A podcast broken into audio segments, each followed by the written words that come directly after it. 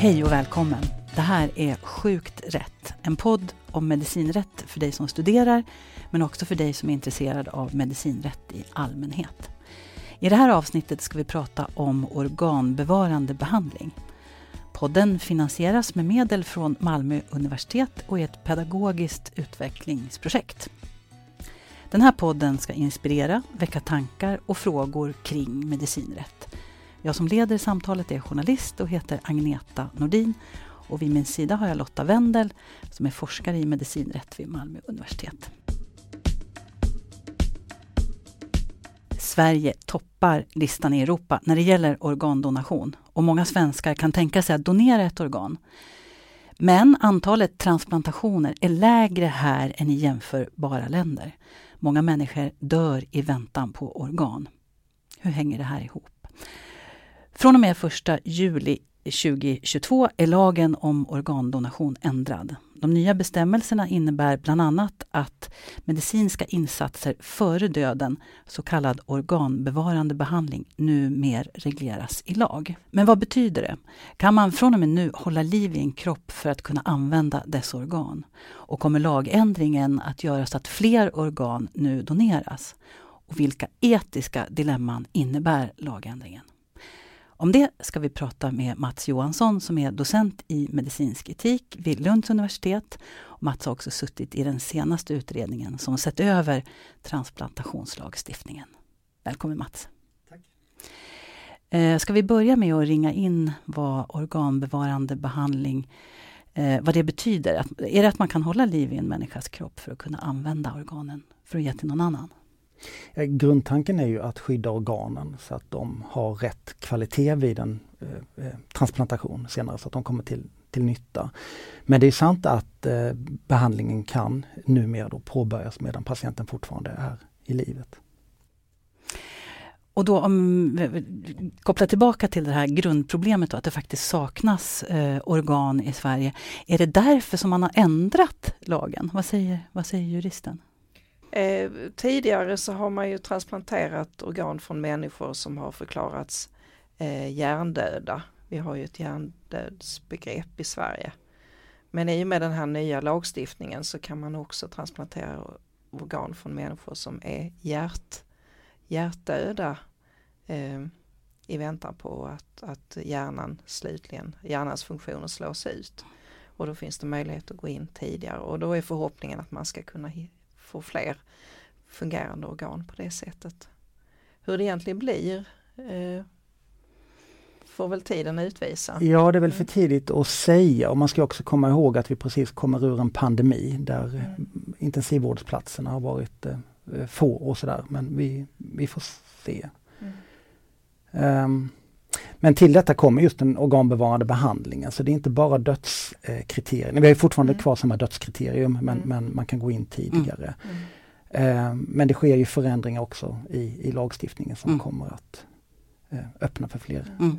Eh, men jag, jag, får inte riktigt ihop det där ändå. För att om man säger att det finns ju undersökningar som visar att svenskar är väldigt alltså, organdonerande. Eh, alltså tanken på organdonation är är, är hög här och ändå så saknas det så mycket organ. Hur hänger det ihop det där?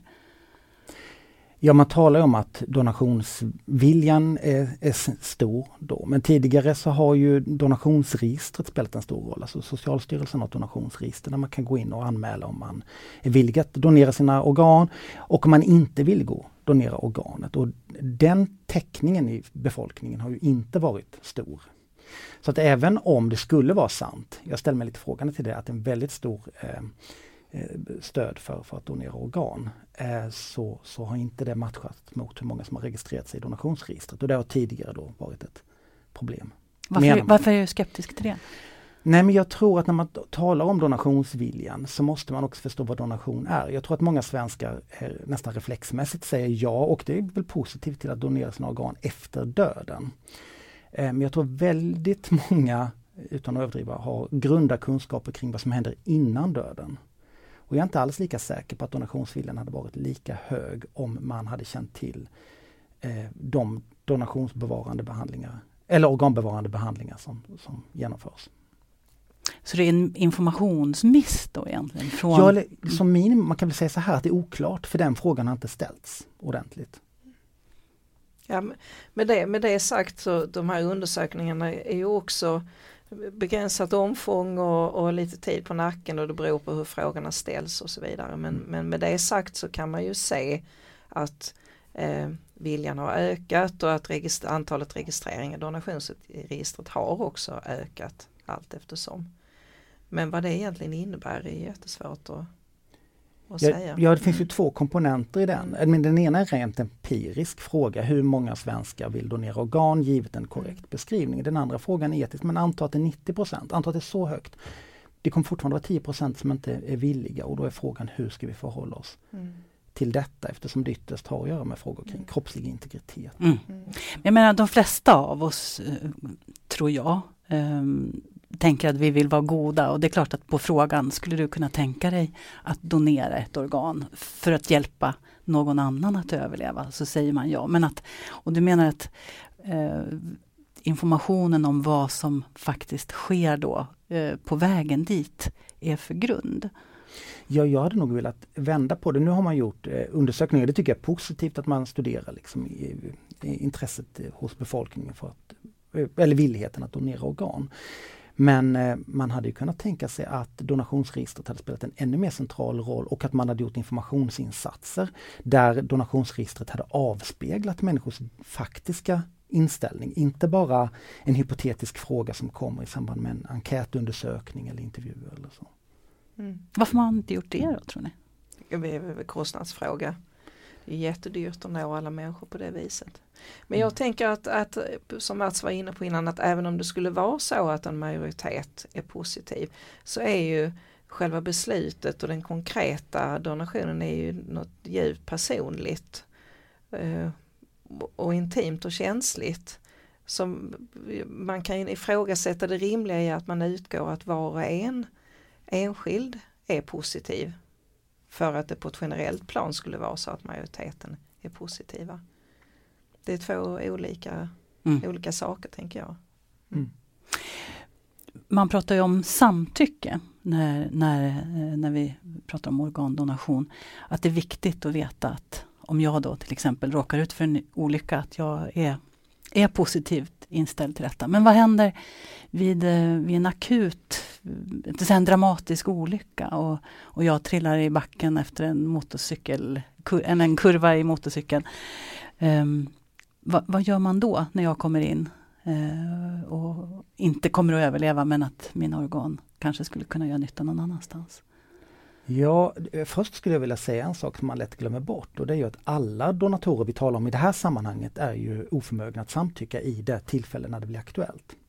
Så att frånvaron av ett samtycke i den stunden, det är, är regel. Så frågan är, finns det tidigare samtycke man kan, man kan luta sig mot eller en tydlig viljeinställning eh, då.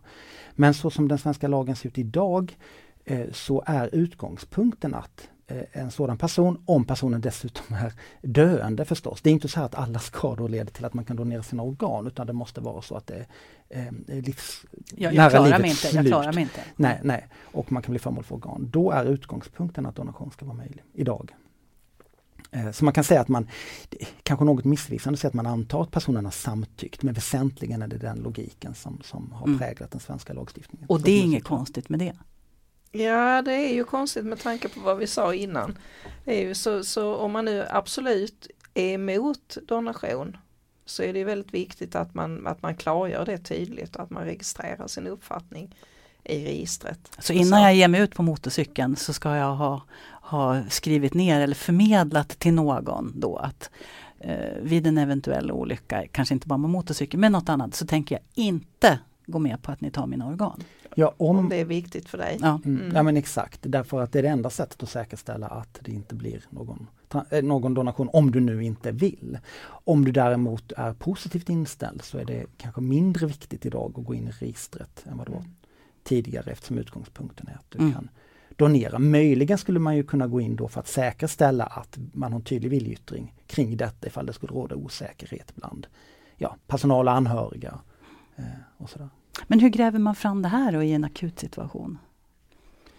Ja, man får tillgång till registret inom, i sjukvården. Så den saken får man tillgång till. Mm. Och sedan kan man ju många gånger eh, diskutera saken med, med anhöriga förstås. Mm. Ja, då kommer vi in på dem, an, mm. de anhöriga och vad mm. de har att säga till om. Mm.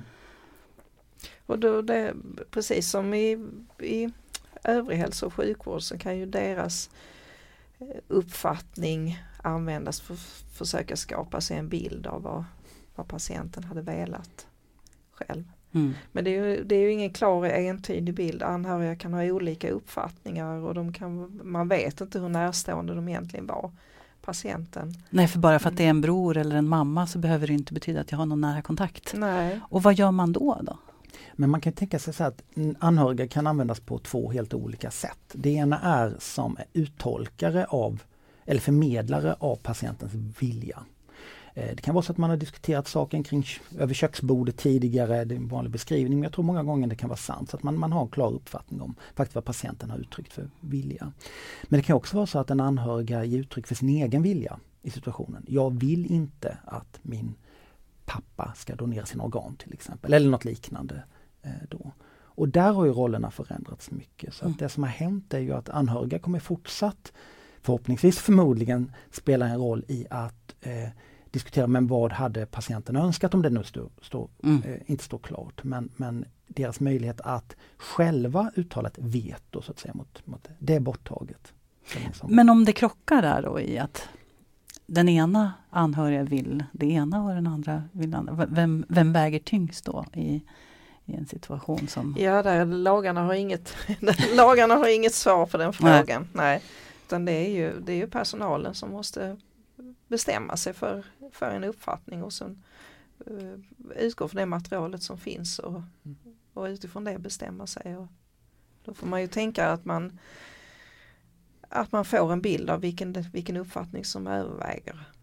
Mm. Ja, man kan säga så att så som det ser ut idag så är det, råder det motstridiga uppfattningar om vad patienten hade velat då, då är det inget, ingen donation som, som gäller. Men, men i den specifika situationen så det kan ju tas uttryck på mängder av sätt det här, den här dialogen och det är väl inte klart hur det kommer gå till. Sen tror jag inte man ska glömma heller att även om anhöriga har ett veto så tror jag personalen skulle vara många gånger synnerligen tveksamma till att köra över anhöriga i den här frågan därför mm. att donationsverksamheten är en förtroendeverksamhet i betydelsen att man behöver ju man, man vill inte att det här ska stå i, i dagspressen eh, mm. kring att eh, de tog pappas, de tog pappas organ. organ mot vår vilja och, och mm. sådär. Det, nej, nej, det blir de... besvärligt. Men vad var argumenten eh, för att ta bort det här vetot? Särskilt då i ljuset av mm. att man ändå i praktiken tillämpar. Ja man kan ju säga att den, som är på, den, den anhörig som är påläst och förstår hur det här fungerar, de kommer ju då inte ge uttryck för att det är min egen kanske vilja utan, utan nej men pappa sa till mig en gång tydligt detta då. Eh, så att möjligheten att, att stoppa en donation torde vara ganska stor eh, fortfarande. Nej, men man kan väl också säga så här att ja, varför försvann vetot? Jag kan tycka i någon mening det är logiskt i den meningen att om, det nu, om nu utgångspunkten är att donation ska vara möjlig, att eh, man är positivt inställd, Ja, varför skulle anhörigas uppfattning i just den här frågan spela någon som helst roll när vinsten är så stor för den möjliga mottagaren? Så blir det en intresseavvägning. Mm. Och där kan väl jag tycka att eh, anhörigas vilja kanske många gånger faktiskt skulle väga lättare än, än, än de som kan kanske räddas till livet eller få mycket höjd livskvalitet efter en donation.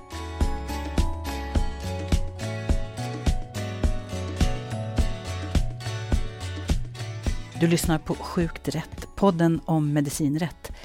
I det här avsnittet om organbevarande donation. Och gäst är Mats Johansson, docent i medicinsk etik vid Lunds universitet. Ja, vi pratade om samtycke. Eh, vad händer eller vad gäller med personer som inte själv, själv kan eh, samtycka? Då? Alltså, bortsett från den där olyckan som vi var inne på. Men man har demens eller någon intellektuell funktionsnedsättning. Vad gäller då? Ja, först skulle jag vilja bara stanna upp och säga att det är precis som vi kom in på nu då, det är, det är en, inte en homogen grupp som är beslutsoförmögna utan de kan ha varit det under hela sina liv, de kan ha varit det under kort period som motorcykelolyckan. Eh, då. Men om vi tar en person och det som... kan vara olika grader. Det kan vara olika grader, mm. men, men om vi utgår från att personen själv inte bedöms eh, kapabel och, och, och, någonsin har samtyckt till det, förstått informationen och samtyckt till detta, då är inte donation möjlig i Sverige idag, om det är en vuxen person. Men däremot om du har eh, förlorat din förmåga att förstå informationen och så eh, successivt. Eh, ja, då kan liv, du ju ha uttryckt viljan kan, tidigare. Ja, mm. du halva, och du behöver inte ens ha uttryckt den men däremot har du haft möjlighet att uttrycka ah, den tidigare. Så det behöver inte vara så att du någonsin har förmedlat den här viljan till någon eller ens tänkt tanken.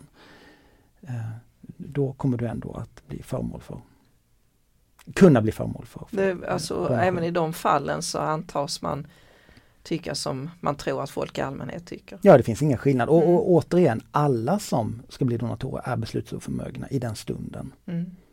För det, i, i, den här kategorin vi talar om nu. Ja. Det finns en annan typ av donation som är levande don donatorer mm. där man donerar till en, säg en nära anhörig. Mm. Men, men det är inte den kategorin vi diskuterar. Nej, nej, nej, absolut inte. Barnen då? Och där tycker jag ju det är intressant och då är det vårdnadshavarna som har väldigt stort eh, inflytande över detta. Eh, och sedan spelar ju donationsregistrets utformning och tolkning eh, roll här. För att i donationsregistret har du efter du har fyllt 15 år möjlighet att gå in och, och meddela din uppfattning. Men innan 15 år så är det vårdnadshavarna som, som gör det. Och det innebär att vårdnadshavarna för, för eh, barnen, och i synnerhet de yngsta, har eh, full beslutande rätt. Mm. Och det är ju, det är ju i en, en mening är det begripligt, det är de som fattar alla andra viktiga beslut för barnens ja. räkning men å andra sidan så är ju inte detta för barnens räkning. Nej. Utan detta är för någon annans skull. Så att det, är, det är en äkta slitning här. I, ja, eller ett ja. etiskt dilemma då skulle man kunna säga. Ja, och eh, eh det, det, är inte, det är inte självklart att man skulle lösa det på det här sättet. Man hade ju kunnat tänka sig att nej men på grund av de etiska problemen så, så kan vi inte tillåta donation från, från barn som, som ännu inte haft möjlighet att bilda sin uppfattning. Mm. Då blir kostnaden väldigt hög förstås för mottag, på mottagarsidan men det är inte en otänkbar lösning. Ur ett, ur ett rättsligt perspektiv är det också lite märkligt med en, en fast gräns. Samtidigt som det är lätt att förstå att man måste ha det när det gäller eh, registrering i ett, i ett register. Men om man tänker hälso och sjukvård i övrigt så ska ju barnets uppfattning tillmätas betydelse i takt med ålder och utveckling. Så det kan ju betyda om man är extremt omogen ända fram till myndighetsdagen så har man ju ingenting att säga till om. Eh, men här görs ju ingen sån eh, utan här antas man ha eh, mognad och kunskap nog för, för att fatta ett sådant beslut mm. när man är 15. Mm. Så det, det, finns liksom i, i sjukvården och i forskningen så finns det liksom en hel fragmentisering av syn och se, se på, på barns mognad där de behandlas olika i olika sammanhang. Och det blir lite märkligt för det här är ju en ändå rätt speciell och mångfacetterad och rätt svårbegriplig fråga och att man anses greppa den automatiskt vid 15 års ålder är lite konstigt. Mm. Mm. Ja. Och där finns det en analogi med, med forskningen mm. där man också har 15-årsgräns för väldigt mycket, inte, inte all forskning men mm. väldigt mycket forskning. Eh, och jag förstår det av pragmatiska skäl men, men det som är intressant också när det gäller vårdnadshavarnas roll det är att återigen varken forskning eller donation är normalt sett för, den, för, för barnets skull. Mm. Eh, och det är en helt annan typ av beslutsfattande då. Det vill säga att man, ut, man man gör en altruistisk handling med någon annans kropp om man ska hårdra det. Om man paralleller med forskningen också, hur, hur är det där? För i forskning så kan man ju barn också under 15 år, även om vårdnadshavarna skulle säga ja, så kan barnet lämna sitt veto. Ja och där har man ju åtminstone när det gäller etik prövningssystemet så, så ju, finns det en vetorätt för mm. beslutsoförmögna, man får säga så, inklusive för barn om de motsätter sig detta. Mm. Nu finns ju inte den möjligheten ens i de här eh, eh sammanhangen. Ja, man skulle kunna tänka sig att yngre personer hade, via ett register hade kunnat uttrycka det. Men, mm. men, men det är teoretiskt möjligt att barnet, ett barn, yngre barn har gett uttryck för en väldigt bestämd uppfattning. Mm. Ja, jag tänker, ja. fast det handlar ju mer om när, när, när barnet får, eh, det här att, att man är väldigt rädd för att ta en spruta till exempel. Där måste ju barnet, där har, men det är en helt mm. annan fråga i och för sig. Mm. Men jag tycker det är en bra jämförelse, eller en, det är en bra kontrast där för att när, när vi då eh, försöker få barnet att frivilligt ta den här sprutan eller med olika eh, medel då som, som kanske då är ovillig, så gör vi det normalt sett för barnets skull. Just det, för att vi vet att det, det blir bra med vaccinet. Det kan vara mm. vaccination, mm. det kan vara andra äh, åtgärder. Och eh, det är ju, det är ju en helt, då kan man säga att vi kanske agerar paternalistiskt, det vill säga att vi tar oss frihet över barnet för barnets bästa. Men det är ju en helt annan typ av, av handling ändå än när vi gör det för någon annans skull än barnets skull. Mm, just det, för det är ja. det egna barnet. Det gäller visserligen viss typ av vaccination också om vi ska vara helt ärliga. Att, att vi har vaccinerat barn för andras skull primärt. Men, men, men så det finns ju eh, men, men, men etiskt sett så är det intressant att använda en annan människa för ett altruistiskt ändamål. Ja. Eh, vi, vi, nämnde, eh, eller du nämnde det, det här eh, närstående vetot. Um, och det har man tagit bort då i den här nya lagstiftningen. Ska vi reda ut det ordentligt, vad det faktiskt betyder? Ja det betyder, alltså det här att man har tagit bort det, det är att anhörigas vilja eh, i sig inte räcker för att stoppa en, en organdonation. organdonation. Mm. Är det problematiskt? Eller är det bra? Vad tycker ni? Jag är kluven. Jag, jag tycker det beror lite på hur det här kommer att användas och tolkas. Om, om det blir så att man eh, kör över anhöriga, de blir förtvivlade och så, då tror jag det kommer slå tillbaka.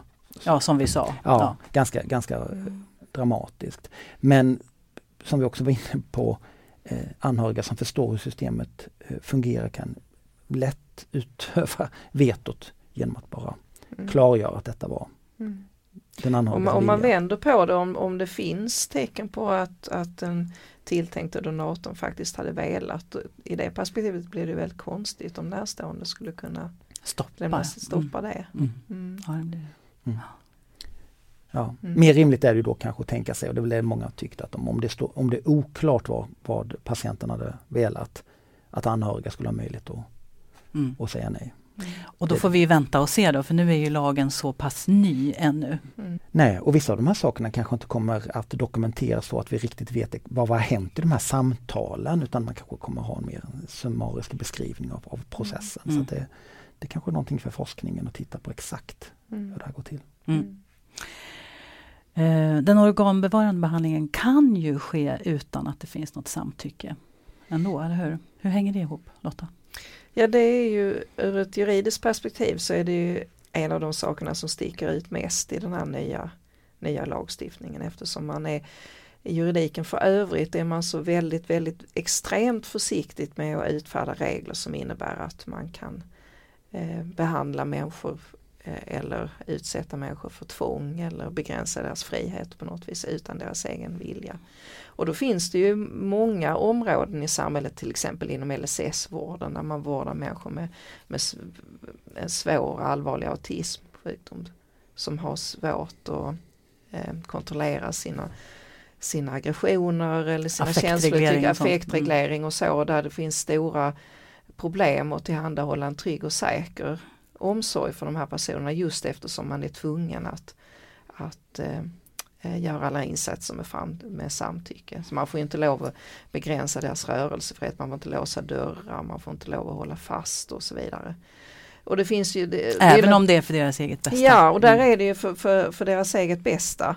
Och att det är så har ju historiska skäl framförallt där man har, det finns ju åtskilliga hemska historier om övergrepp inom vården av personer med funktionsvariationer. Men om man sätter det i perspektiv att man inte ens på de här områdena där, där behovet är så otroligt stort, där har man inte velat utföra några som helst regler som begränsar människors fri och rättigheter. Och så har man gjort det här eh, där man kan sätta igång den här organbevarande behandlingen innan man vet om det finns något samtycke till donation mm. eller inte. Och här ges ju behandlingen inte ens för patientens egen skull utan Nej, för, utan för, för någon annan, annan som vi var inne på. Mm. Och i det ljuset så blir det, det, det, ja, det avviker från, från rättstraditionen och, och, och sticker, det sticker ut helt enkelt. Mm. Mm. Vad säger etiken? Ja det avviker också från, från principen om informerat samtycke inom, inom hälso och sjukvårds eller vårdetiken. Så att där, där är ju juridiken och etiken väldigt, ligger väldigt nära varandra i det avseendet. Och också sticker det ut mot principen att inte eh, behandla en person enbart som ett medel. Nu kan man diskutera om man verkligen enbart behandlar de här personerna som ett medel eller ett verktyg för någon annans skull. Men, men i alla fall den här, den här förändringen i lagen liksom utmanar den principen på, på ett eh, ja, intressant sätt. Mm.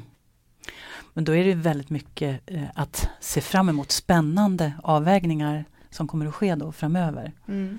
Mm. Ja. Hur oroade är ni?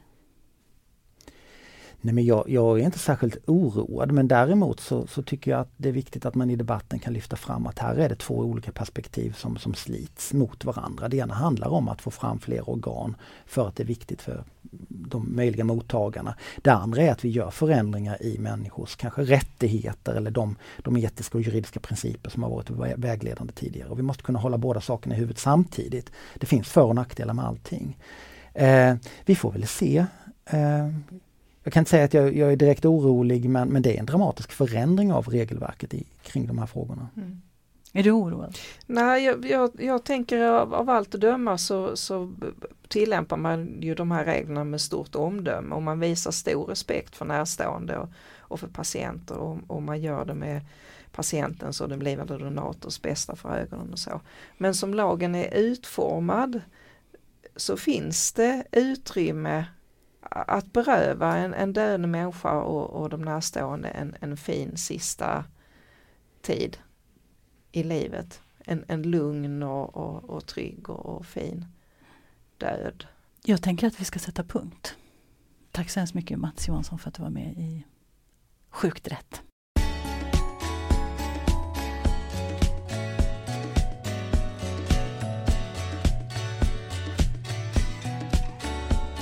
Sjukt rätt produceras med medel från Malmö universitet för pedagogisk utveckling och kollaborativt lärande. Det är produktionsbolaget Lokat Media som producerar och jag som leder samtalen är journalist och heter Agneta.